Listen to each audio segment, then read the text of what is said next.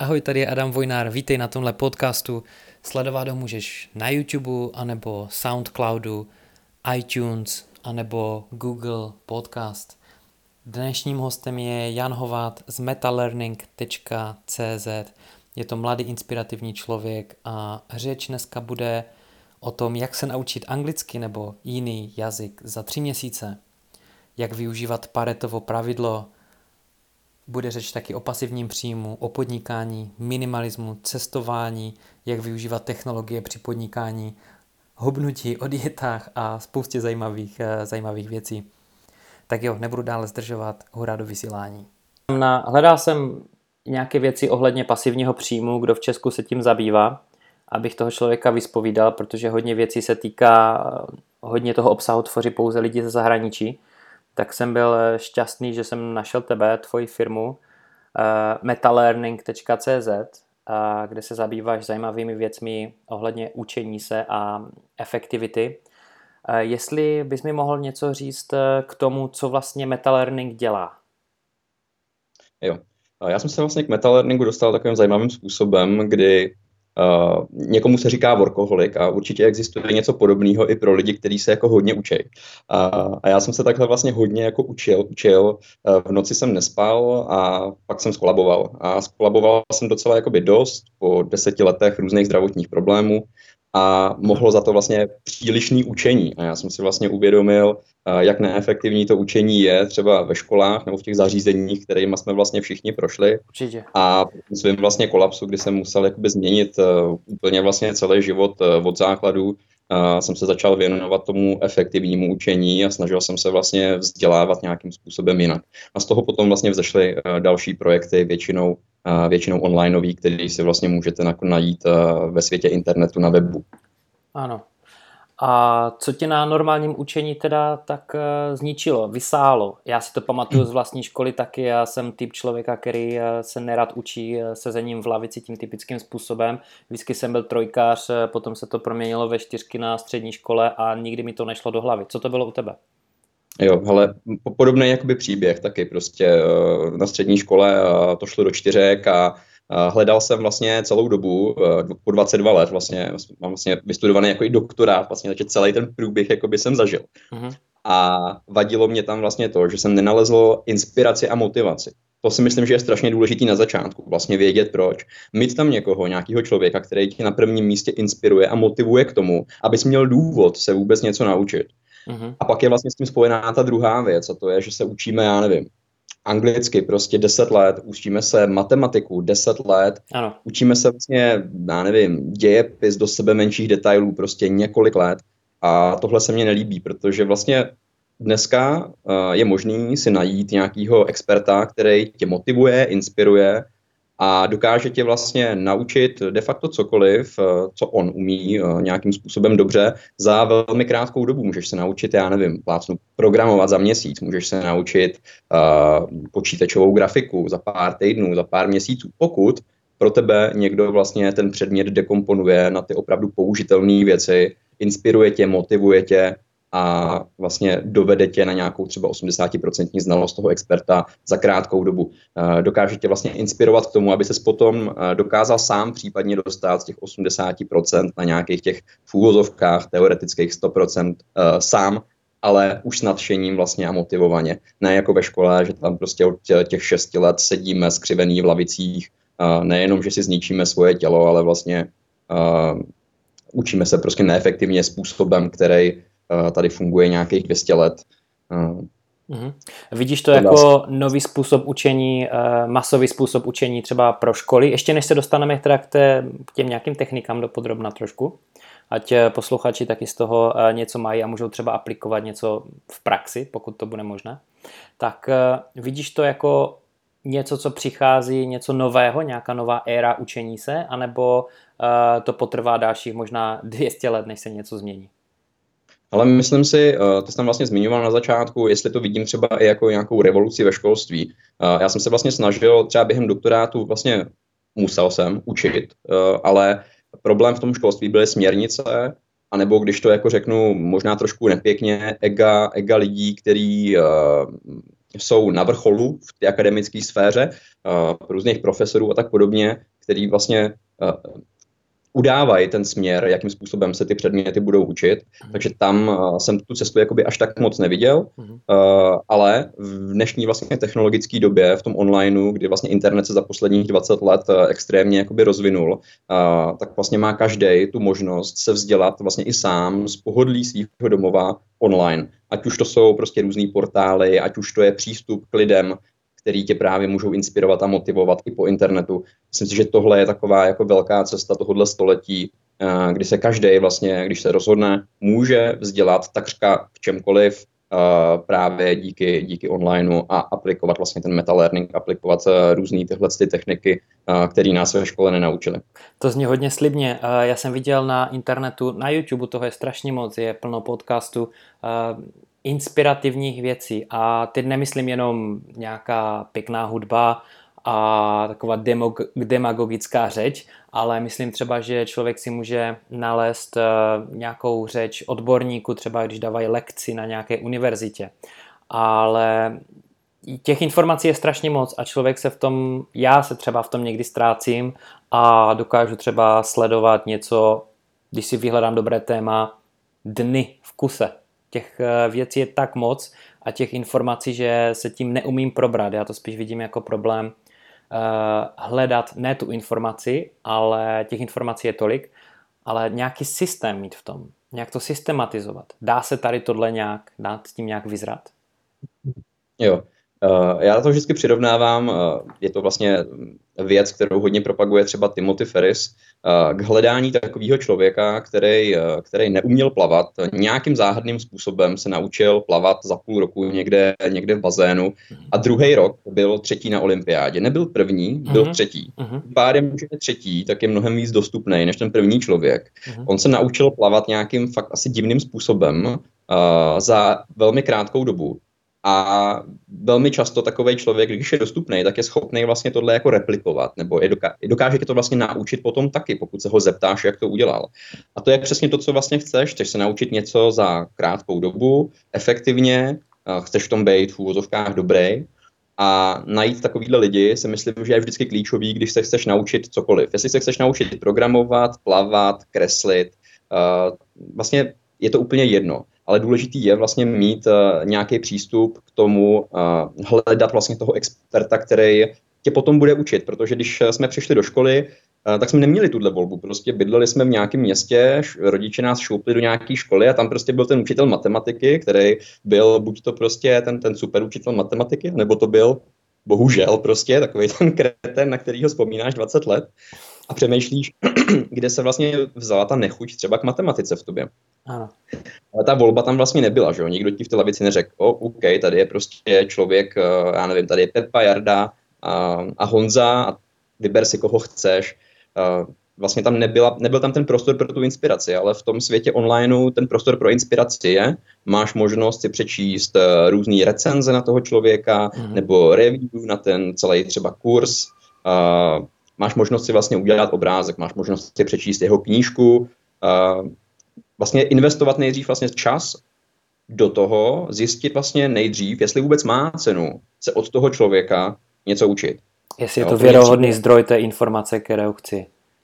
Uh, přesně tak, protože jinak vlastně člověk může opravdu že jo, si to nějakým způsobem lepit a chodit po YouTube, po nějakých videích, který mají pár lajků, uh, polepit si nějaké informace z Wikipedie nebo mm. dobře z vědeckých studií, z impaktovaných studií, uh, ale je to takový lepení prostě. Já mám rád vždycky mm. najít člověka, který je opravdu, jak jsem říkal, něco, něco jako, že se naučil plavat, byl třetí na olympiádě. Nějaký takovýhle ekvivalent vlastně mm. uh, v mnoha oborech. Já třeba jsem se učil dlouho uh, ve škole jako programování, když jsem studoval bakaláře na informatice a za tři roky jsem se nenaučil de facto nic, prostě vůbec jsem v tom neviděl tu inspiraci, motivaci.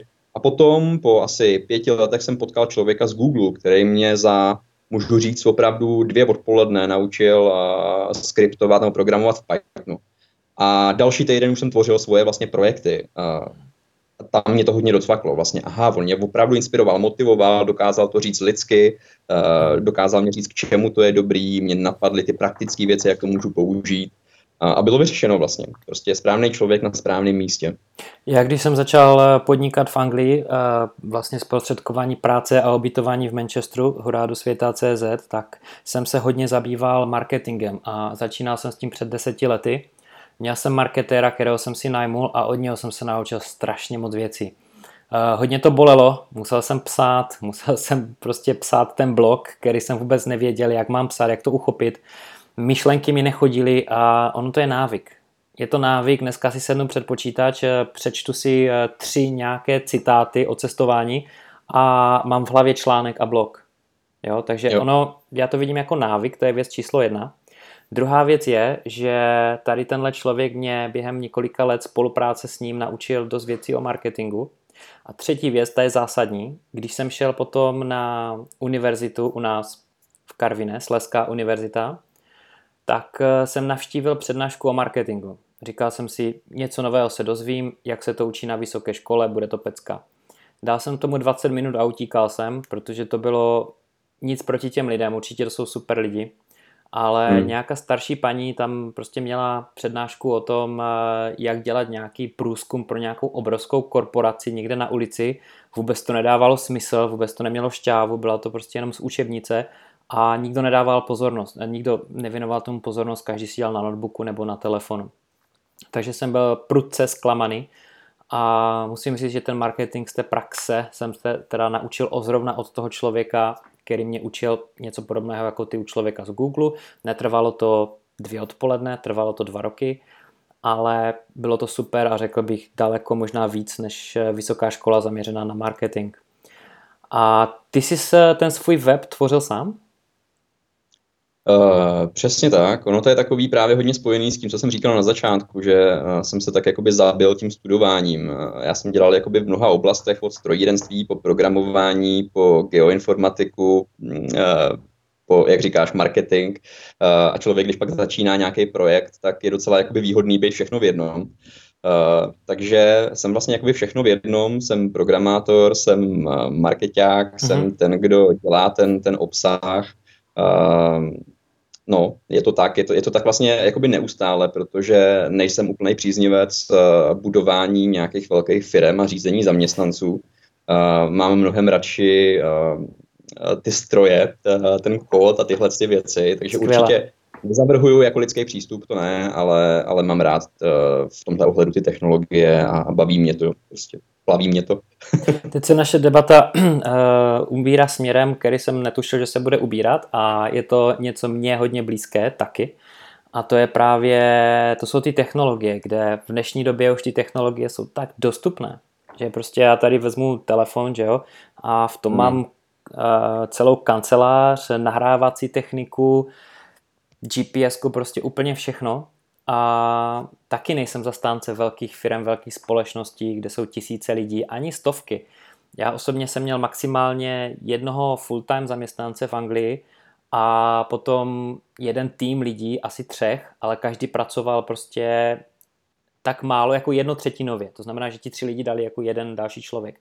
Takže v podstatě jsem měl zaměstnané pouze dva lidi a vždycky jsem eh, měl nějaké kontraktory.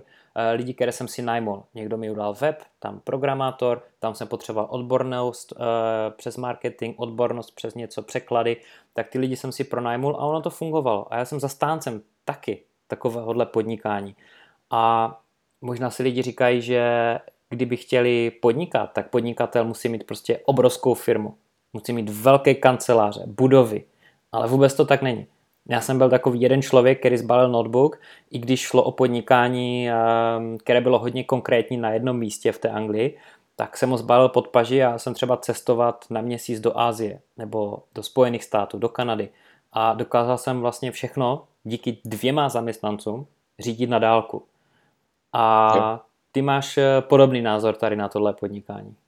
Mám na to úplně podobný názor a myslím si právě, že je skvělý dneska, když Eh, ti nějaký zaměstnanec chybí, anebo když nevíš, jak něco udělat, tak existuje možnost to prostě outsourcovat. Že jo? Jsou, jsou platformy jako freelancer.com, uh, Odesk, dřív Elance, uh, kde prostě zadáš, co potřebuješ a během několika hodin máš desítky nabídek a můžeš se v tom nějakým způsobem hrabat, naučit se vlastně i ten skill, jako jak outsourcovat, jak zadávat milníky, jak s těma lidma komunikovat. ale myslím si, že hlavní jakoby ta myšlenka toho je vědět, že když něco neumíš, když něco nevíš, nemusíš mít toho full-time zaměstnance, ale můžeš si prostě najmout někoho na dálku, s kým můžeš spolupracovat a existuje i dost lidí, kteří vlastně v, v tomhle systému uh, mají založený celý struktury vlastně, že jo? mají tam prostě toho manažera, který potom řídí dalších pět lidí mm-hmm. a vlastně tam funguje ta, ta firma jako taková, kterou známe tady v tom klasickém pojetí, ale funguje vlastně v tom onlineu a ten člověk komunikuje jenom vlastně s tím manažerem, který potom řídí další lidi.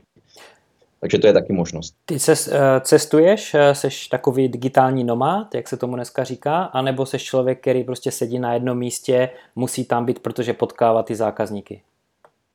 Právě, že vůbec. Já jsem vlastně v tom světě online, kdy eh, mý zákazníci, když je to jako nazvu, tak to jsou čísla, čísla někde v analytice a, a, a mhm. čísla v e-mailech, který chodí, nebo lidi, s kterými se člověk baví po telefonu jednou za čas, ale nemusím být vlastně na nějaký lokalitě uh, fixně.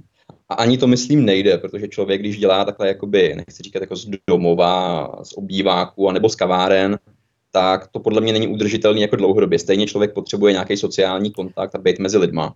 Takže se snažíme každý rok uh, někam, někam vyjet. Minulý rok jsme byli tři měsíce v Portugalsku přes zimu, uh, což bylo úplně úžasný. Uh, tenhle rok plánujeme určitě nějakou formu tepla taky a nejspíš to bude house sitting, což je jako, že hlídáš vlastně někomu, někomu dům, ideálně s bazénem mm-hmm. a neplatíš nájem a seš někde v cizině, máš možnost uh, se tam bavit s místníma lidma a tak podobně. Takže jo, podle mě ta je nutnost načerpat kreativitu, opustit vlastně ten stereotyp toho prostředí, v kterém seš uh, třeba většinu toho roku, já nevím, tady v Čechách, uh, nadechnout se trošku někde jinde, mm-hmm. získat tu inspiraci.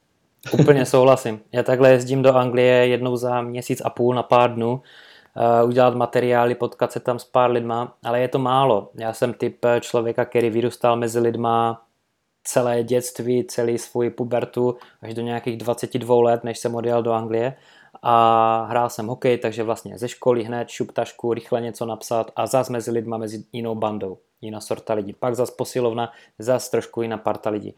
A musím jo. říct, že to podnikání, ta práce z domova, není pro každého. A já s tím někdy úplně bojuju, když to řeknu takhle. Protože mně se líbí ta myšlenka, že se zeberete parta, asi lidi, kteří spolu spolupracují, je to tak? No, no, no. A někam jedete na nějakou delší dobu. A to je něco, co já musím zavést do svého života taky. Lidi, s kterými se potkávám na dálku, tak eh, jedna kávička, jedno pivko jednou za měsíc prostě nestačí. Takže to chci nějakým způsobem uchopit. I já se z, toho, z tohohle rozhovoru učím tímhle tím způsobem, že každý, kdo sedí doma, a mluvil jsem s několika programátorama a oni mají to samé. Oni pracovali pro firmu, byli v tom eh, oboru dobří, specialisti, začali dělat sami na sebe a po roce, po dvou, po třech toho nechali. Ne, že by jim to nešlo nebo neměli zákazníky, ale prostě je ničil život dělání z domu. Potřebovali ten jo. okruh těch lidí. A tohle zní jako návod, jak tady tomu nějak předejít. Protože ani ty coworkingové centra, já jsem k tomu nějak, mě to nepřirostlo k srdci. Já jsem tam chodil léta, ale pak jsem zjistil, že tam chodím dvakrát za měsíc a že pokud s těma lidma nejsem spojený nějakým způsobem, skrz tu práci třeba, tak eh, to nefunguje. Tohle je můj názor. Mm. Ty jsi zkoušel coworkingy? Ale eh, byl jsem v nějakých coworkingách, ale už vlastně při těch prvních návštěvách mě bylo jasný, že tam fungovat nemůžu, protože většina mý práce vlastně se týká programování, anebo spíš i jako učení se programování, protože to je taková nekonečná cesta. A na tohle třeba já potřebuju mít klid. Uh-huh. A, ale nedokážu být každý den v té jedné místnosti, jakože bych seděl tady prostě v té místnosti a tady koukal na tenhle monitor a programoval. To nejde. Potřebuju prostě být v jiném prostředí. A uh-huh. možná mě nejde ani tak primárně o ty lidi jako takový, ale spíš o to prostředí, o ten výhled, o ten vzduch. Uh, uh-huh. Být prostě někde jinde. To je asi pro mě jako to nejdůležitější. Samozřejmě lidi jsou potřeba taky, to jo, ale musím prostě změnit tu místnost, změnit ten stereotyp. Nemůžu to mít každý den stejný. Uh, Coworking teda není úplně jako to řešení, ale pro mnoho lidí určitě může být uh, jednou z možností. Uh-huh. V čem spočívá to, uh, ten meta learning, to učení se? V čem to spočívá? Je tam nějaká technika, která se dá jednoduše převzít, anebo je to něco spíše nějaká systematická dlouhodobá činnost, než se to člověk naučí? Je to ve takový vlastně jako framework, kdybychom to řekli, nějaký, nějaká metodika, Uh, pár věcí z toho už jsme tady vlastně zmínili, říkali jsme tady o tom, uh, o těch expertech, že je dobrý prostě si najít toho experta. Základem je potom dekompozice jako taková, vlastně dekomponovat ten problém nebo ten, ten skill, tu schopnost, kterou se chceš naučit na ty nejjednodušší možný dílečky, který každý den můžeš uchopit a každý den je vykonat hmm. za pár minut. Uh, to je vlastně věc, kterou když se naučíš, tak se potom můžeš naučit de facto cokoliv. Uh, tohle jsou taky úplný základy, vlastně využívat paretovo pravidlo, uh, hledat vlastně těch 20%, který tě dostanou na těch 80% eh, toho experta, obrazně, obrazně řečeno. To jsou vlastně ty základní, základní kameny. A vystupovat z komfortní zóny pravidelně, i když se to může zdát na první pohled náročný to jsou věci, které to učení potom strašně, strašně urychlují. My toho využíváme třeba hodně v těch jazycích, protože tam, tam ten meta learning je hodně, hodně implementovaný a snažíme se naučit vlastně lidi prakticky cizí jazyk za tři měsíce právě pomocí meta learningu, kde se snažíme vlastně využívat všechny tyhle ty prvky, které tady teďka zmiňuju a servírovat vlastně lidem už připravený obsah v tyhle moderní metalearningové podobě. Ono to slovo zní šíleně, ale mm-hmm. můžeme si představit, že ten metalearning je prostě určitá forma efektivního učení, kde se využívá nejenom řada technik a přístupů, ale i třeba různé věci z neurovědy, a různé věci a z psychologie jako takový, z motivace. A je toho, je toho opravdu hodně. Teďka mě napadly dvě věci. První věc, kdyby my totiž pomáháme lidem taky naučit se připravit se na pohovor do Anglie, na pohovor do určitého typu zaměstnání v gastronomii. A lidi třeba poprvé se střetávají v tuhle chvíli s tou angličtinou, s tím mluveným slovem, že jde o nějaký pohovor, že lidi musí spolu prostě komunikovat. A to mají třeba pět let, deset let, školství za sebou. A tohle nejsou schopni zvládat a potřebují se prostě rozmluvit. Je meta learning řešení? Určitě. Uh, tam je právě ten problém, že my, když jsme studovali v těch školách, že těch 10-15 let nějaký jazyk, tak jsme ho studovali z nějakých kazetek, knížek, probrali jsme milion časů, ale nikdy jsme vlastně prakticky ten jazyk jakoby nepoužili a neměli jsme ani moc motivaci a inspiraci ho použít, protože po ty angličtině následovala další hodina matematiky, kde jsme psali čtvrtletku a ty myšlenky se neustále vlastně cyklily mezi 10-12 předvybraných předmětů na základě Eh, kterých jsme měli my vzniknout jako osobnost eh, do nějakého typu povolání, typu doktor, inženýr, mm-hmm. svářeč, automechanik a tak podobně. A 70 až 80% lidí, kteří vlastně procházejí třeba našima kurzama, tak mají tenhle problém, kdy mají extrémní averzi k tomu použít ten jazyk vlastně, mluvit k někomu, protože mají strach, že budou negativně ohodnocený, jako v té škole. Že vlastně někdo řekne, Ježíš Maria, ty máš ale strašnou výslovnost a teďka tady udělal chybu v tyhle, v tyhle větě. A je to opravdu hrozně velký problém to zpátky překódovat. Ale co vlastně je takový jako nejefektivnější v tomhle ohledu, co vlastně nejrychleji můžeš udělat je, dvě možnosti. První je platforma, která existuje, je celosvětová, jmenuje se italky.com. My s ní máme třeba uzavřený partnerství a u nás, když si člověk zaplatí kurz, tak vlastně polovinu z té částky lidem dáváme zpátky právě na to, aby na té platformě mohli mluvit s rodilejma mluvčíma. Jsou tam desetitisíce rodilých mluvčích, s kterými můžeš mluvit po Skypeu odkudkoliv. Uh, tahle možnost je lepší, než jet někam v úvozovkách jako do Anglie a spoléhat na to, že tam s někým budeš mluvit a trénovat jazyk, protože ty lidi na tebe většinou nejsou zvědaví a nemají trpělivost eh, s tebou koktat nějaký věty. Ale tahle platforma je vlastně skvělá v tom, že máte vytvořený termín, bavíte se 30-60 minut, komunikujete uh, jako tarzani, uh, ale překročíš tu komfortní zónu a máš možnost, kdykoliv máš čas, s někým mluvit za pár peněz. Ty rozhovory většinou stojí třeba 5 až 10 dolarů na jednu hodinu. A ta jedna hodina ta ti posune extrémně daleko. To je mhm. taková hodně aktivní možnost, jak ten jazyk vlastně používat okamžitě, bez jakýchkoliv překážek dneska. A druhá hodně jakoby, uh, efektivní věc je uh, číst anglické knížky, kdybych tady nějakou teďka vylovil, uh-huh. nahlas, tak, aby se sám vlastně slyšel. A nebo ještě jiná forma, uh, opakovat audioknížky nahlas po tom, kdo ti je čte do ucha. Jo? Mhm. To, kdybych takhle měl jakoby říct někomu, uh, co nejvíc efektivní techniky, které mi napadají pro tuhle situaci, kdy člověk se bojí mluvit a, a má za sebou samozřejmě nějaký základy, ví, jak sformulovat větu nebo slyšel pár slovíček, a, tak tyhle možnosti jsou dostupné pro každýho, nestojí skoro nic a toho člověka posouvají extrémně kupředu. Mm-hmm. Ale lidi mají jak u jedné, tak u druhé možnosti bariéry. Uh, u ty možnosti přes Skype mají bariéru vlastně v tom někomu zavolat, opravdu jako extrémní strach, co se stane, když nebudu rozumět, když uh, něco řeknu špatně, ale ku podivu mají lidi strach i vlastně sami ze sebe, sami, sami ze sebe před svým hlasem, když se poprvé slyšejí, když třeba čtou audioknížku po někom nahlas, anebo když čtou knížku jako takovou najednou nahlas a slyšejí, jak vyslovují nějaký slovíčka a že to třeba nezní úplně super, uh, tak už tohle je děsí. Ale když to překonají a dělají to pravidelně, tak to jsou věci, které toho člověka posouvají extrémně rychle kupředu. Uh-huh. Jo, já teď mi úplně zebral vodu z mlína, protože to je všechno, s čím já jsem se sám setkával v Anglii na začátcích a vidím, že se setkává tak 98 až 99 lidí ze 100. Jo, že vlastně i když někdo tu angličtinu umí a to školství nás vybaví k tomu, abychom ten test udělali, abychom dobře zaškrtli to políčko, dobře doplnili tu, to slovíčko do té věty. Uh, jo, takže tohle nás škola připraví, uh, jsme v tom dobří, Eh, někteří, někteří méně, ale nepřipraví nás na to poslouchat sami sebe. Nepřipraví nás na to, když eh, ti dá někdo takovou abstraktní otázku eh, v angličtině, třeba co si myslíš o, já nevím, jaké máš life values třeba, nějaké hodnoty životní, tak na to odpovědět. Nebo co jsou to hodnoty pro tebe. A já musím říct, že paradoxně dva velké skoky, nebo tři velké skoky v angličtině jsem měl. První byl aplikovat to, co už dávno léta umím do praxe.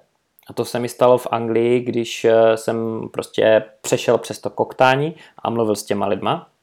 To znamená, že vlastně anglicky už jsem věděl, už jsem uměl anglicky, jen jsem vůbec to neuměl použít, trvalo to měsíce. Hmm. Druhá věc, když jsem pracoval pro anglickou banku, která rozjížděla pobočku v České republice, to znamená, že zaškolování probíhalo z jedné strany angličan, ti dává instrukce, z druhé strany Čech, ty překládáš a bavíš se na zpátek. A tohle mi dalo enormně hodně.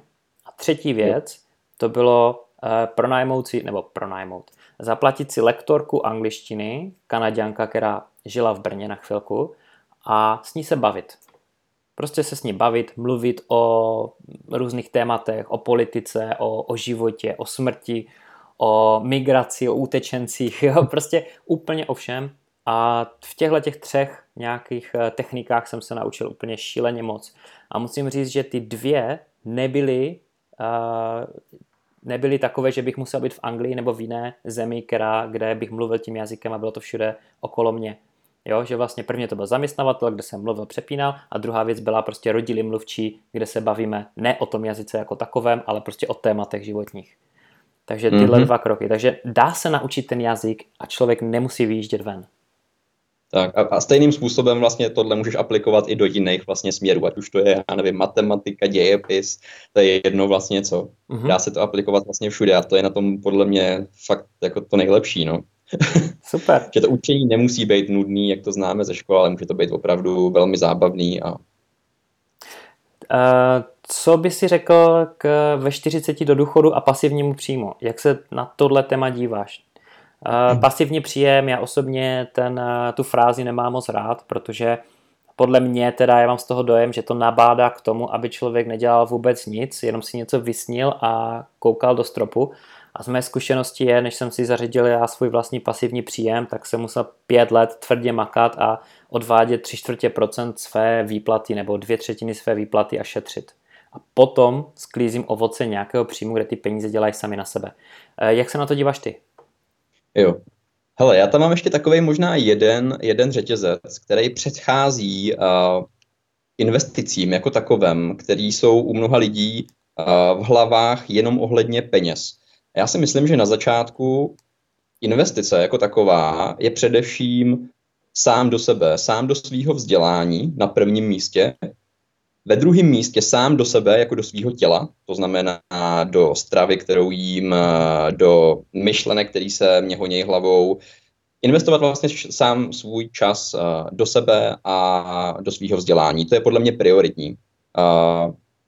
Během toho si myslím, že je skvělý investovat i čas do toho, aby člověk našel to, co ho fakt baví dělat nehledě na to, jestli za to dostaneš zaplacíno nebo ne. Co bys dělal druhý den, když by všechny pracovní pozice neexistovaly, ty jsi nemusel řešit, kde spát, co jíst, jak bys vyplnil ten svůj život, než umřeš, co bys dělal.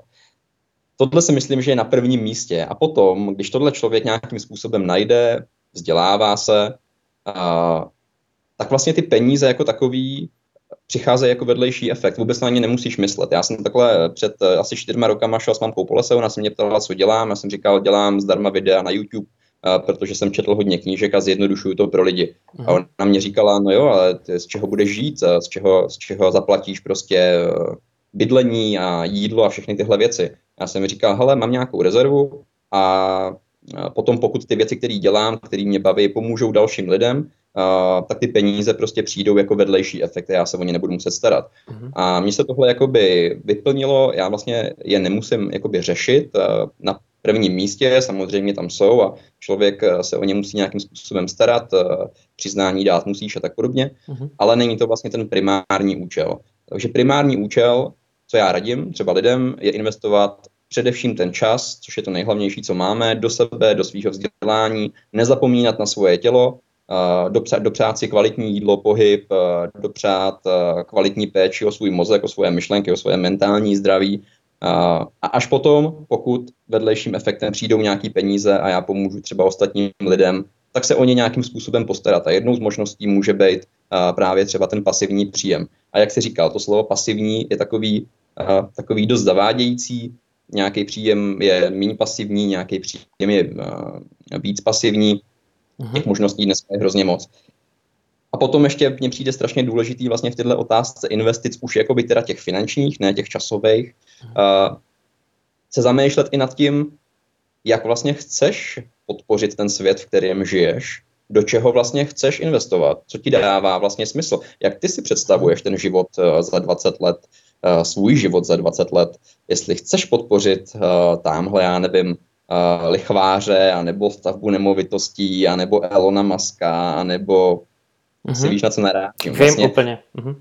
Jo, dokážu já vlastně usnout s tím rozhodnutím, že investuju nějaký peníze tamhle uh, bezhlavě do něčeho, co mě přináší 15% ročně, ale, ale nedává mě to vlastně smysl uh, v ty svý vizi uh, toho světa, v kterém chci žít. Takže tohle ještě je pak taková další věc, kterou, kterou jakoby třeba hodně řeším. Uh-huh. Výjima vlastně těch klasických věcí typu, jak, jakou formu vlastně zvolit, jestli kapitálové trhy, nebo peer-to-peer půjčky, nebo uh, projekty, že těch možností dneska je hrozně moc, kam vlastně investovat peníze, ale uh, tohle je takovej, takový tři body, prostě investovat do sebe, do svého těla, uh, potom smysluplně uh, nějakou formou uh, do různých investic, které ti můžou případně uh, zařídit nějakou formu pasivního příjmu. Je otázka, jakou formu vlastně člověk, člověk chce mít. Těch mm-hmm. forem je hodně. Jakou formu A, máš ty? Uh,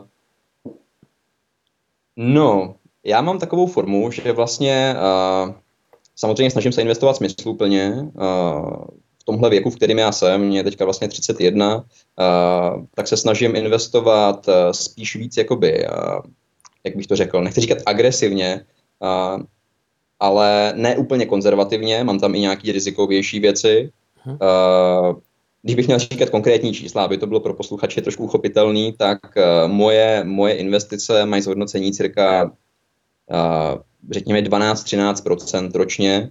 Uh, to znamená, když to tak zjednodušeně jakoby vynásobím, tak uh, každých nějakých 6-7 let se vlastně ta částka kterou, kterou mám zainvestovanou zdvojnásobí, uh-huh. uh, protože ji neustále vlastně reinvestuju. Uh-huh. Uh, a když vlastně si ten posluchač spočítá, kolik je 13% z nějaký částky, tak si může vlastně snadno představit, jestli z ty částky z toho úroku jako takového dokáže potom žít a nebo ne. Pro každého je vlastně ta částka úplně jiná. Pro někoho to může být, já nevím, 150 tisíc ročně, pro někoho, kdo má rodinu, to může být půl milionu ročně. Uh, každý to máme nastavený jinak. A každý má podle mě nastaveno jinak i ten účel vlastně, proč ten pasivní příjem vůbec vlastně potřebuje. Jak jsi říkal na začátku, nelíbí se ti, že, jo, že si lidi myslejí, že pak budou ležet, ležet někde na lehátku a všechno bude vlastně jako vyřešený, všechno bude super, super pasivní, na nic nebudou muset chmátnout.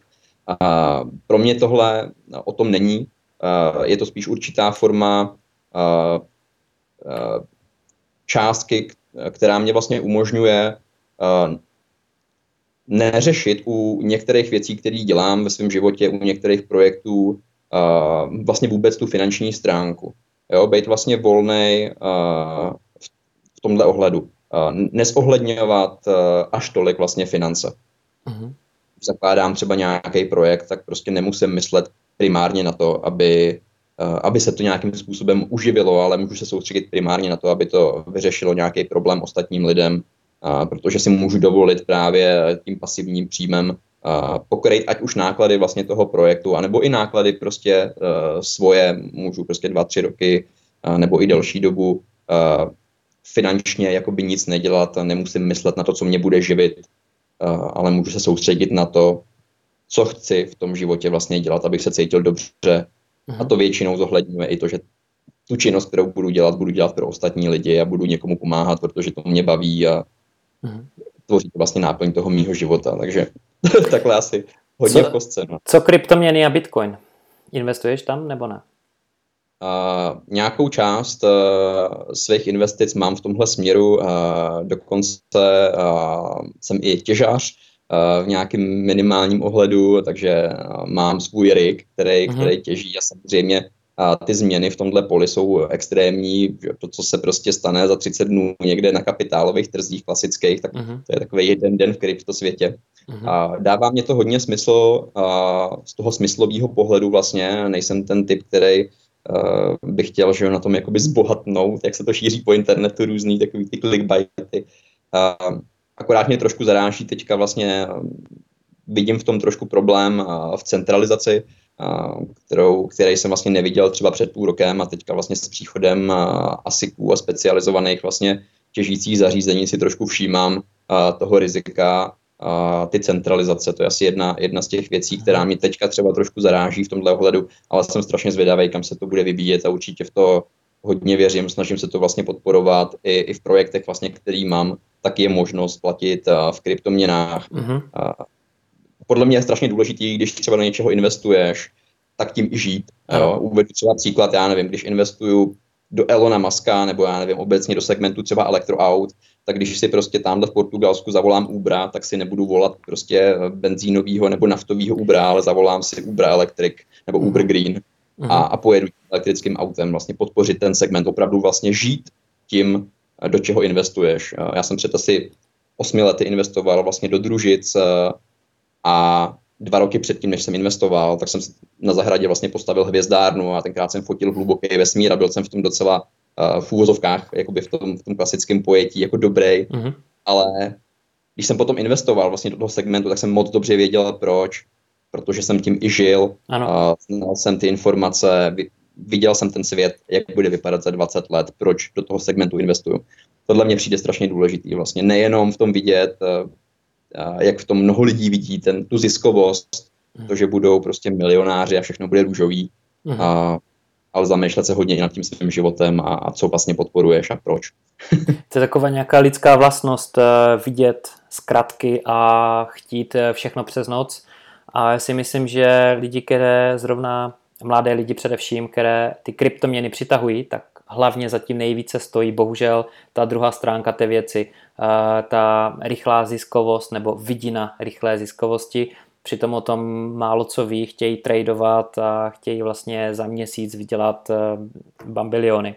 Mít to svoje Lambo a letět na, na měsíc a vůbec třeba o těch kryptoměnách nic neví a já se na to dívám stejným způsobem. Eh, já jsem třeba, mám rád token eh, BAT, používám jejich prohlížeč na notebooku, takže a i v telefonu. Je to vlastně prohlížeč, který vydal svůj vlastní token a je výborný a jmenuje se Brave, ten prohlížeč teda mimochodem a je výborný mm-hmm. v mhm. tom, že třeba blokuje reklamy a cookies a já nevím co a blokuje to vynikajícím způsobem ty vyskakovací reklamy, banery a takové ty kraviny. Takže když já do něčeho investuju, vidím to stejně jako ty, že musím, musím mít v tom takovéto propojení s tím reálným světem a s tím, že v to věřím opravdu. Elektrické auta se mi strašně třeba taky líbí a bohužel musím říct, že teďka bydlím daleko od nějakého velkého města a nabíjení takového auta je strašně nepraktické já bych si strašně rád třeba koupil skutr elektrický, abych mohl tady popojíždět, ale uh, ta účelovost tady tohohle, nebo v tom reálném světě, ještě jsme nedošli tak daleko, abych si to koupil, bohužel, ale jsem velký fanoušek téhle věci a až to bude, tak eh, určitě budu stát ve frontě. A to... Tohle, co jsi říkal, ještě teď do toho trošku skočím, protože mě to fakt zaujalo. Říkal, vlastně koupil. Mně přijde dneska i skvělý, že vlastně člověk nemusí ty věci vlastnit. Jo? Že si můžeš vlastně cokoliv půjčit, uh-huh. sdílená ekonomika funguje, uh-huh. takže vlastně člověk nemá kolem sebe tunu věcí, o který by se musel starat, který by představovaly nějakou zodpovědnost a nějakou kouli na noze, ale vlastně člověk si může dovolit vlastně cokoliv, půjčit si to, vyzkoušet si to, zažít ten dopamin z toho, ale nemusí člověk šetřit, já nevím, 120 tisíc dolarů prostě eh, na, na novou Teslu, jo? Nebo... Ano. Výborný, výborný, eh, výborný point tady to. Nedávno jsem dělal rozhovor s Tomášem Zdražilem, cestovatelem, odborníkem tež na kryptoinvestice, život na dálku a on je minimalista. Viděl jsem to i ve tvém bio na, na webové stránce, že taky máš rád ten minimalismus a on došel s tím až tak daleko, že si telefon mobilní, vlastně smartphone pronajímá od Alzy, jo? takže vlastně nevlastní ani telefon. A k tomu se váže zajímavá historka, když jsem cestoval po Ázii minulý rok, tak jsem žil v hostelu pár, asi týden jsem tam byl a s přátel jsem, to bylo v Tajsku, Chiang Mai, a tam jsem se zpřátel s jedným američanem, měl asi 20 roků a on žil taky na dálku, podnikal, měl tři nějaké firmy, projekty a zbalil se do jednoho baťušku. A on říká, podívej, to je všechno, co mám. Já eh, v LA nemám auto, nemám jízdní kolo, nemám nic, nemám ani jedno ramínko s nějakou košilí, která by mi ležela ve skříni, nic navíc, to je úplně všechno. A s tímhle baťuškem můžu projet celý svět, ocitnout se kdekoliv na světě, kromě extrémní podmínky na poušti nebo někde, já nevím kde, v horách úplně, a, a přežiju. A tohle mě úplně prostě dostalo, jo? že uh, tahle ta skupinka, tahle ta generace lidí vlastně dneska uh, už začíná být nějak ekonomicky aktivní a já jsem zvědav, co to s tou naší ekonomikou provede. Protože když mluvím zase s lidma o 10 let, i, i s mýma vrstevníkama, mě je 36, mluvím se svýma vrstevníkama, každý chce vlastnit, mít to, prostě mít to v té ruce, uh, být pod tím podepsaný a já si myslím, že ta cesta už vede úplně jiným směrem a jak kdybych mohl, tak uh, outsourcuju třeba pokojík ve svém domě, který nepoužívám měsíc, ať si tam někdo bydlí. Ale doma by mi to asi neprošlo. Takže tady, tady k tomuhle uh, ten minimalismus taky mi hodně říká. Jo? A já bych se chtěl teďka pohnout dále a ty jsi zmínil Paretovo pravidlo a teď už to trošku chápu, to propojení s tím učením se těch jazyků a paretovým pravidlem, ale mě zajímá paretovo pravidlo a jídlo, strava. Co s tím? Jo. uh, kde začít? Uh, já jsem to takhle hodně sledoval, nebo četl jsem hodně knížek, uh, který se týkaly jídla, protože já jsem měl dřív vytvořený návyk, že jsem četl každý den jednu knížku a měl jsem asi rok a půl času, takže za nějakých vlastně víc než roka půl. Za 700 dnů jsem přečetl 700 knížek. A mhm. dělal jsem o tom videa vlastně i na YouTube, jak tohle vlastně udělat, jak, jak, ty, číst, jak ty knížky číst.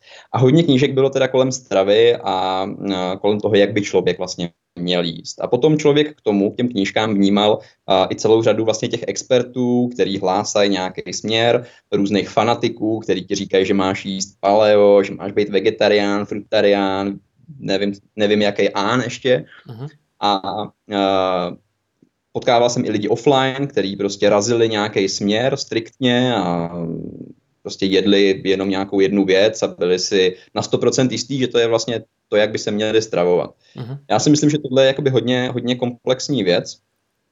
Uh, mě třeba konkrétně vyhovuje jako slow carb, to znamená pomalý sacharidy, k tomu hodně zeleniny, kvalitní tuky. Uh, to je věc, která vyhovuje mně. Uh, ale kupa lidí má tu představu, že si přečtou nějaký článek na novinkách CZ nebo na nějakém webu a tam píšou prostě, že já nevím, fazole jsou špatný, nebo že fazole jsou dobrý, nebo že brokolice je špatná, nebo že, že je dobrá. A podle toho zařídějí vlastně svůj jídelníček. Ale zapomínají vlastně na to, že mají taky možnost vnímat to svoje tělo a počkat si na tu reakci, když si dají slíčkovou se sedmi knedlíkama, jak se budou cítit, jestli budou usínat a tělo bude potřebovat eh, věnovat veškerou energii k tomu, aby to strávilo a začne je vypínat, nebo jestli budou mít křeče v břiše, nebo jestli se budou cítit těžce. Na tohle už potom hodně lidí třeba kašle a spíš věří právě těm studiím, článkům, ano. A různým radám a tak podobně. Takže já si myslím, že je důležitý jako obojí. Samozřejmě a jako vnímat, co, co se děje na tomhle poli, na tom vědeckém poli, ale taky vnímat svoje tělo, jak reaguje vlastně moje tělo na různé potraviny. A, a jak se říká Paretovo pravidlo u jídla, já takhle mám pojmenovaný jedno video, a, který je udělaný tak trošku na trus právě těmhle všem věcem, který se kolem nás točí, kolem stravy. A je tam vlastně řečeno jediný. Vyřaďte uh, rafinovaný cukry, vyřaďte mouku a nahraďte něčím, co je víc vydatný na makro a mikronutrienty. Uh, což prostě představuje ve v základu to, že každý jídlo uh, začíná tím, že se udělá nějaký hezký, dobrý salát, přidá se k tomu nějaký kvalitní tuk a potom, když člověk potřebuje, tak si tam může dát nějakou formu třeba pomalýho, pomalýho sacharidu, který třeba vyhovuje mě, někdo si tam může dát nějaký škrop a, a čekat, jak se bude cítit, když si dá bramboru a nebo rejži. Uh, ale je to vlastně o tom vyřadit vlastně takový ten největší zabijáky. Ano. Což je, což je mouka a rafinovaný cukr.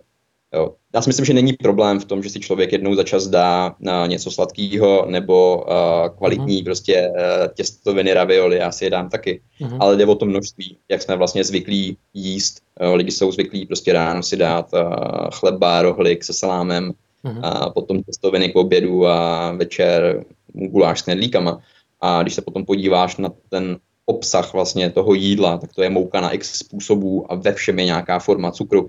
A, takže nahradit jenom tyhle ty věci, dvě věci můžeme považovat jako z toho pohledu Paretova pravidla jako docela dobrý základ a není to vlastně moc složitý, nepotřebujeme na to číst prostě tady uh, milion různých jako knížek, ano. Uh-huh. A, ale můžeme začít jednat okamžitě vlastně druhý den a říct si, OK, tak co se stane, když zkusím třeba 14 dnů a změním snídaní a místo toho chleba s máslem a se salámem si dám třeba kvalitní salát, uh, kvalitní tuk a trošku nějaký, nějaký luštěniny do toho, jak se budu cítit, jak mě to bude chutnat, uh, jaký budou vlastně chutě těch jednotlivých složek jak bude chutnat ta paprika, která je sladká, místo, místo ty marmelády na tom chlebu, která uh-huh. byla sladká. Uh-huh.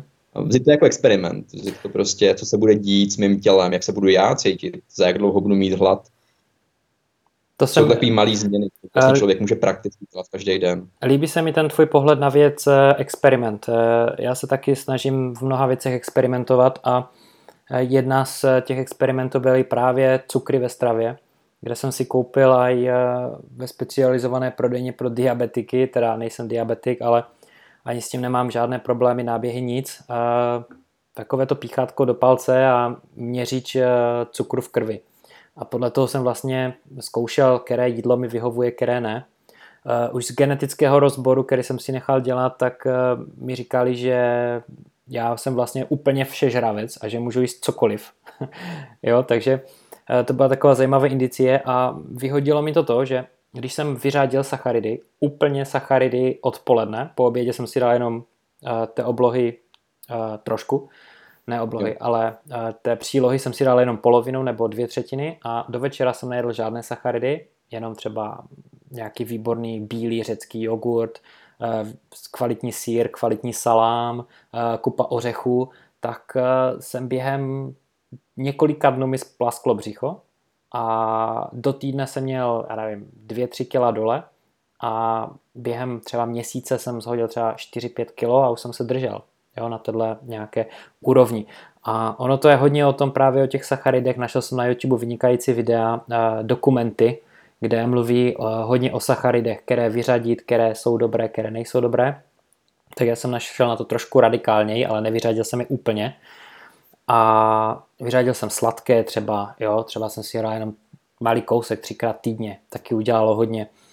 A ono se to totiž těžko prodává, abych se vrátil k té tvojí myšlence, kde najednou vyběhne někde na seznamu napsané brokolice je dobrá.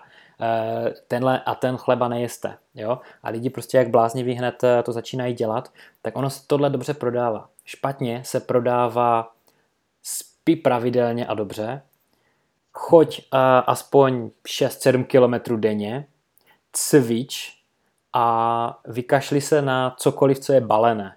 Jo?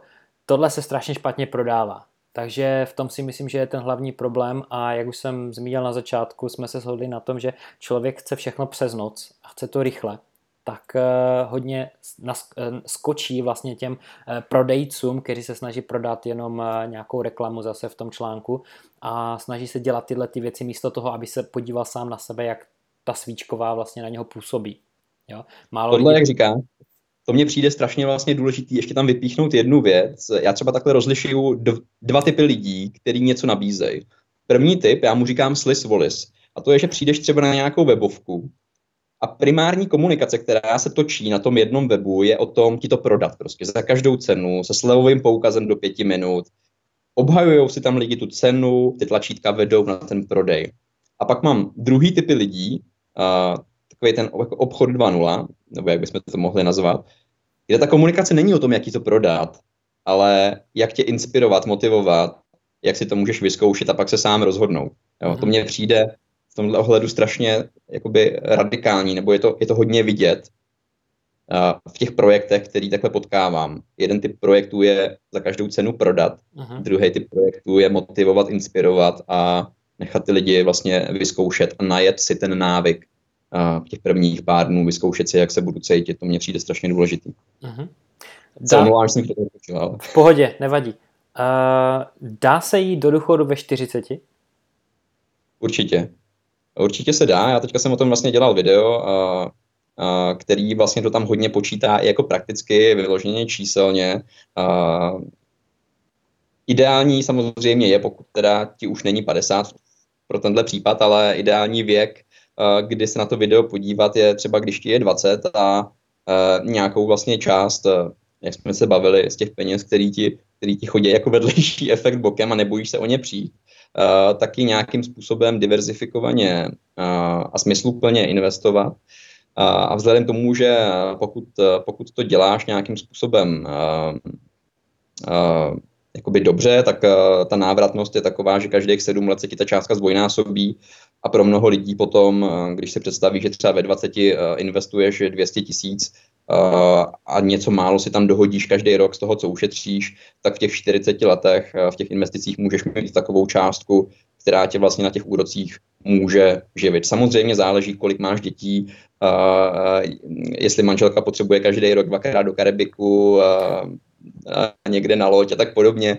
Každý máme jiný to měsíční minimum, který potřebujeme k tomu, aby jsme žili spokojený, spokojený život, ale pro většinu lidí tato částka může být opravdu jako relativně, uh, relativně malá a velmi dosažitelná. Uh, a když se vlastně na tenhle kumulující efekt podíváš z toho dlouhodobého pohledu, třeba mezi že 20 roky tvýho života a 60 nebo 65, kdyby teoreticky lidi měli jít do důchodu, což už se nestane, tak vlastně ta částka bude mnohonásobně převyšovat uh, tvůj důchod a uh, budeš, uh, budeš vlastně žít, nechci říkat jako král, ale budeš prostě mít ten příjem zajištěný mnohonásobně líp, než když tu zodpovědnost předáváš vlastně státu a čekáš, že se o tebe on vlastně postará. Ale málo kdo má, já říkám, takovou jakoby kontrolu nad tou svojí opicí v hlavě, která chce hnedko, hnedka všechno ze dne na den aby, aby lidi dokázali udržet nějaký takovýhle návyk uh,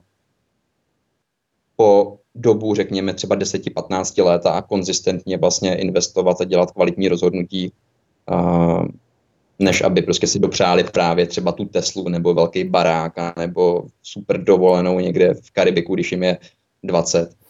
Ale určitě zase nechci, nechci tyhle, tyhle lidi jakoby hanit, protože uh, i já každý jiný si myslím, že se musí projít vždycky uh, skrz takový ty dvě fáze u každé věci. Jedna je teoretická, že si něco teoreticky jako dozvíš, víš o tom teoreticky, něco se teoreticky naučíš. Ale pak je ta druhá část, to je ten praktický prožitek, že si to prožiješ a cítíš opravdu vnitřně, jak to vlastně je. Koupíš si to svoje první BMW z bazaru, když tě je 18 za všechny peníze, které jsi do té doby ušetřil. A pak zjistíš, že třeba ten dopaminový efekt trval nějakou dobu a že to nebylo třeba úplně jako nutné, ale už to víš prostě do budoucna. Myslím si, že čím dřív to lidi udělají, čím dřív ty peníze někde prodělají nebo si tohle vyzkoušej, a tak potom můžou líp fungovat v tomhle dlouhodobém horizontu a myslet třeba i na tuhle stránku života. Uh-huh. Uh, máš inspirativní myšlenky, nápady, uh, to se mi strašně líbí a hlavně tímhle způsobem taky žiješ a to je úplně vynikající. Uh, kdo inspiruje tebe? Ale já mám vyloženě, uh, na to bude znít divně, a tady teďka nemám deník vedle sebe, kdybych podal svůj deník, tak tam mám seznam vyloženě mentorů vlastně, seznam lidí, který mě inspirovali. A ten moment, kdy já jsem vlastně si tohle začal uvědomovat, kdo mě inspiruje, nastal, když jsem po těch x letech prostě problémů a panických záchvatů a operace se srdcem skončil na zemi na psychiatrii v Hradci, ve fakultce a klepal jsem se tam v panickém záchvatu a docvaklo mě vlastně, že je konec, že vlastně mě nikdo nepomůže, že si musím pomoct sám. A skvělá věc vlastně byla, že v dnešní jako onlineové době, v době internetu, uh, už nemusíš mít toho člověka jako vedle sebe, jako offline, že byste si koukali do očí, ale on tě vlastně může ten člověk inspirovat a pomoct ti i v tom onlineu, anebo z knížek. Takže jsem si začal vlastně všímat těch lidí, kteří mě dokázali pomoct v tom stavu, v kterým jsem byl, kdy jsem prostě nemohl asi čtyři měsíce ani chodit. A potom po roce a půl jsem byl schopný teda nějakým způsobem začít pomalu pracovat.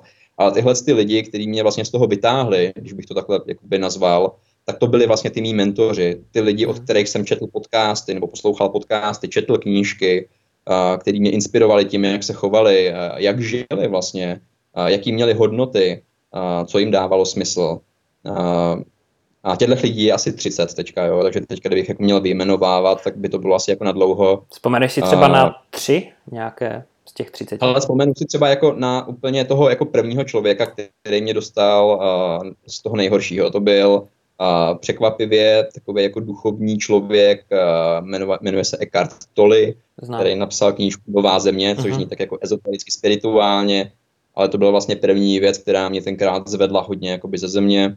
Uh, byl to třeba Andy Padikom, který založil Headspace, který mě vlastně přivedl k meditacím. Uh, jsem dva roky každý den 40 minut meditoval uh-huh. a potom vlastně začal pomáhat i ostatním lidem uh, vyloženě v tomhle, v tomhle směru. Naučil jsem se další techniky, uh, které se věnovaly jako mindfulness, všímavosti, uh, zvládání stresu. Uh-huh.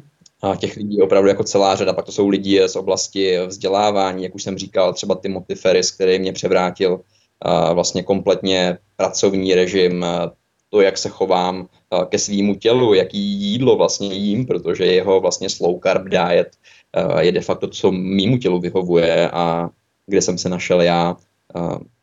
Uh-huh. Myslím si, že každý si vlastně může najít takhle ty svoje mentory, ty lidi, kteří tě inspirují, ať už je můžeš hledat offline v tom světě kolem sebe, anebo i v tom onlineu, ale důležitý je si jich všímat, uh, klidně se je napsat někde na papír, do deníku, uh-huh. uh, protože vlastně ty lidi, který sleduješ, nějakým způsobem reflektují i ty hodnoty a vize, kterýma žiješ, to, co ti dává smysl. Ono se říká, že jsi průměrem z pěti lidí, s kterými se setkáváš. Určitě. Ono to je jako v tom offlineu, ale já si myslím, že to funguje moc dobře právě i v tom onlineu. Ano. Že i ty lidi, který posloucháš jako podcasty, nebo ty lidi, který čteš v knížkách, v audioknížkách, jsou vlastně ty lidi, který máš kolem sebe. I když mhm. jsou online a někdo může říkat, že nežiješ offline, že jsi moc u toho počítače, u toho mobilu, tak uh, myslím si, že to je skvělá možnost, je to skvělý nástroj, jak vlastně mít kolem sebe velmi inspirativní lidi, když je v tom offlineu třeba nemáš, což je případ mnoha lidí, kteří chodí třeba studenti na vysoké školy a nemají tam prostě toho inspirativního člověka, toho učitele, toho mentora, který by je nějakým způsobem nakopnul a navedl na nějakou cestu, která by těm studentům dávala smysl. Ale v tom onlineu si toho svého vlastně mentora, toho člověka můžou vlastně sami najít, ať už jsou kdekoliv. Ať už kolem nich jsou takový lidi, anebo nejsou. Já jsem nedávno dělal v Anglii rozhovor taky s inspirativním člověkem jedním a dávám eh, link pod tohle video a Josef Hoang a on se právě zabývá těmato věcma a zhodli jsme se na jednom. Všichni, všichni do jednoho z nás máme nějakého mentora. Problém je v tom, že toho mentora jsme si většinou nevybrali my sami. A tady navazuju na to, že ty říkáš, že jsi v nějakém městě, jdeš do nějaké školy, je tam nějaký učitel a tak to prostě je a ty od něho bereš ty moudra. Rodiče, bereš od nich moudra. Rodiče jsou super, všechny nás vychovali, ochránili, to je fajn, ale eh, když chci být eh, špičkový hokejista a v mé rodině nikdo nehrál hokej, nemůžu brát rady svých rodičů a tak dále a tak dále. To bychom se o tom mohli bavit do večera. Tam jde spíš o to, všichni se od někoho učíme. Otázkou je si vybrat podle toho svého nějakého cíle, podle toho, kdo my jsme, toho správného mentora pro nás samotné, ať je to offline nebo online tak to třeba vidím já a tak nějak cítím, že uh, to dají z tebe tady tímhle způsobem. Jo, přesně tak, s tímhle se stotožňuju a určitě souhlasím. Co znamená pro tebe úspěch? No, to je velká, to je velká otázka. Uh, já vlastně, jak jsem tady zmiňoval ten okamžik, kdy jsem ležel na ty, na ty zemi, na, na ty psychiatrii vlastně v Hradci a tam do mě píchli nějaký diazepam do zadku, tak jsem si uvědomil, že vlastně všechny moje jako takový ty představy o tom úspěchu, kde buduješ nějakou svoji kariéru, teďka studuješ a vyděláváš nějaký peníze a tak, že vlastně to absolutně nemá uh, žádný vliv vlastně na spokojenost v tom životě. A v ten moment se vlastně radikálně změnily všechny takové ty všechny takové ty pohledy vlastně na materiální věci, takže uh-huh. veškerý jako materiální svět šel v ten den pryč a už se vlastně nevrátil, jakoby u mě. Uh-huh. A nepřináší mě to vlastně absolutně žádnou jako motivaci, a nevím, to, že si koupíš nový telefon nebo nový auto nebo cokoliv, je pro mě úplně úplně jako bezpředmětná věc, dá se říct. Mm-hmm. Jako i vnitřně to tak cítím. Takže úspěch pro mě nejsou určitě materiální věci. Mm-hmm. Uh, pro mě asi úspěch je, uh, jak jsem říkal, najít vlastně to, co tě baví, ráno se vzbudit a žít ten život vlastně podle, podle svých představ tak, že cítíš opravdu, že žiješ, že tě plaví to, co děláš, že tě baví prostě pracovat na tom projektu, který vytváříš, uh, to, že jsi svobodný, můžeš cestovat, nejseš na jednom místě. Pro každého to může být jiná definice toho úspěchu. Já třeba na tohle mám i takovou docela techniku ve svém denníku, kde vyloženě mám alternativu nebo vlastně takovou variantu jako desatera. Vlastně to desatera už je větší, je to asi 20 bodů, uh, podle kterých jakoby žiju. Jsou to opravdu vytesané věci v tom kameni, na který, když se podívám, tak uh, pro mě je vlastně úspěch, když podle těch svých hodnot podle těch svých vlastně morálních nastavení každý den žiju. Jo? Mm. Takže asi takový ten jakoby úspěch. Mm-hmm. Pro mě to je hodně tahle jakoby ta svoboda uh, v tomhle ohledu pracovním, třeba to, že nemusím ráno vstát a jít prostě na šestou hodinu dělat někde do korporátu uh, 12 hodin někde před počítačem a mít měsíc dovolenou a tak podobně. Uh, to je pro mě třeba jako úspěch. Uh, vůbec tam vlastně nehrajou roli jakoby peníze, materiální věci. Mhm. Je to spíš všechno vlastně orientovaný na to, jakým způsobem já využívám ten svůj omezený čas na tyhle planetě, tak, ano. aby mě to bylo, abych si ten život užil jako hru, jako, jako hru na pískovišti, když jsem byl malý a hrál jsem si a s klukama na pískovišti nebo po lesích. Uh, už se chýlíme ke konci, takže Honzo, ještě mám pro tebe, než skončíme, dvě otázky. A první je, uh, kdo je podle tebe úspěšný člověk? Když se řekne úspěch, uh, představíš si někoho? Je to nějaká bytost, uh, nějaký člověk, uh, nějaký tvůj vzor nebo mentor? Ale pro mě asi, když se vrátím teďka ještě zpátky k té otázce, tak pro mě vlastně asi úspěšný člověk, ten, který má radost z toho svého života, vlastně tak, jak ho žije.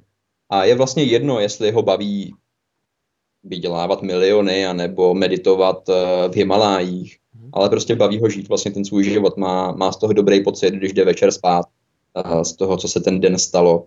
Neměnil by to. Mm. Protože pak je hodně lidí a já se s nimi docela setkávám, třeba když vedu, vedu lidi online na konzultacích, kdy se zeptáš vlastně člověka, jestli by ráno šel do ty stejné práce, do které chodí už 15 let, kdyby mu za to někdo nic nezaplatil. A a 99,9%. Já snad ani nevím o nikom, kdo by mě řekl, že by tam šel. Uh-huh. Jo, většina lidí řekne, ne, já bych tam nešel, pokud by mě nezaplatili. Uh-huh. A já si myslím, že tohle je právě jako blbý, když tam mají lidi primárně ty peníze a představují si, že vlastně budou, budou spokojení v tom životě, budou úspěšní. Uh-huh. jo. Asi, ta, asi takhle viděl s tím úspěchem, no. Mít radost eh, z toho, z toho života, který žiješ. Jo. Takže jakýkoliv člověk, který má radost z toho života, tak jak ho žije upřímně, dokáže si na to odpovědět sám pro sebe, ne pro okolí, nehraje, nehraje nějakou roli pro okolí, aby si okolí myslelo, že žije spokojený život. Ano. Takový člověk si myslím, že je úspěšný. Určitě.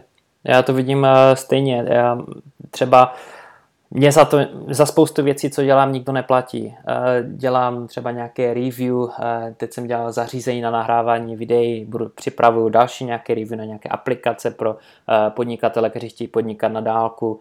Ehm, tenhle ten podcast, tenhle ten rozhovor a dalších spousta jiných taky za to nenahrávám to pro někoho, kdo mi za to bude platit, mám z toho obrovskou radost, vnitřně mě to naplňuje a hodně děkuji právě tomu, že jsem si vybudoval nějaký pasivní příjem a můžu se zabývat eh, velkou část dne věcma, které já si sám určím.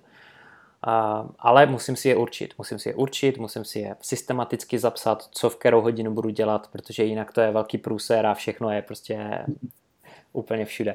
Se směješ, možná tušíš, eh, o čem, o čem mluvím, že jsi to možná zažil, něco podobného že když něco nemusíš, já tak děláš jsem byl prostě úplně všechno. hodně systematický, ale, ale zase na druhou stranu mě to zabíjelo jinak, takže... Jasně, jasně, chápu. Mně ta systematičnost trošku chybí do toho života, spíš takhle bych to řekl. No. Jo.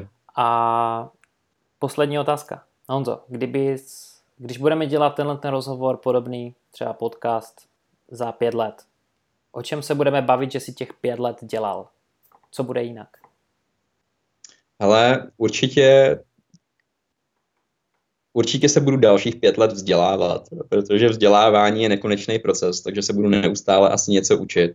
Uh, a já nerad plánuju věci jakoby na dlouho dopředu v tomhle ohledu, protože člověk neví, kam ho ty další kroky, které teďka udělám, dovedou vlastně. Jaký, před jakýma rozhodnutíma budu třeba za půl roku. Uh, já nerad plánuju svůj život jako dovolená v Chorvatsku tři děti a tak podobně, asi, asi víš, jak to myslím, ale mám nějakým způsobem vždycky naplánovaný experimenty, jak jsme tady říkali, na další půl rok. Uh-huh. Uh, to si vedu pravidelně, protože mě něco zajímá, něčemu se věnuju prostě třeba půl roku a, a vidím, uh, jestli, jestli má cenu v tom pokračovat, jestli mě to baví a plaví a jestli to mám dál rozvíjet, anebo ne. Takže já třeba vím, co budu dělat další půl rok, ale co budu dělat ten ten další půl rok po tom půl roce, to ještě úplně nevím, protože nevím, kam mě vlastně tenhle půl rok jakoby dovede.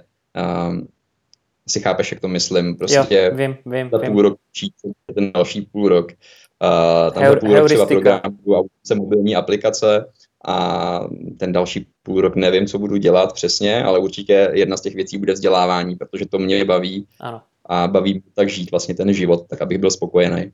Uh-huh. Mě udělá velkou radost, když uh tady tenhle rozhovor eh, někomu pomůže, inspiruje ho k někomu, k něčemu, k nějaké činnosti, k nějaké akci, nebo si v sobě sám něco najde. To je pro mě uh, důvod a naplnění, proč tady tyhle rozhovory dělám a Honzo, jsi výborný host, já ti moc děkuji za to. Já a... děkuji taky za to, za skvělé otázky.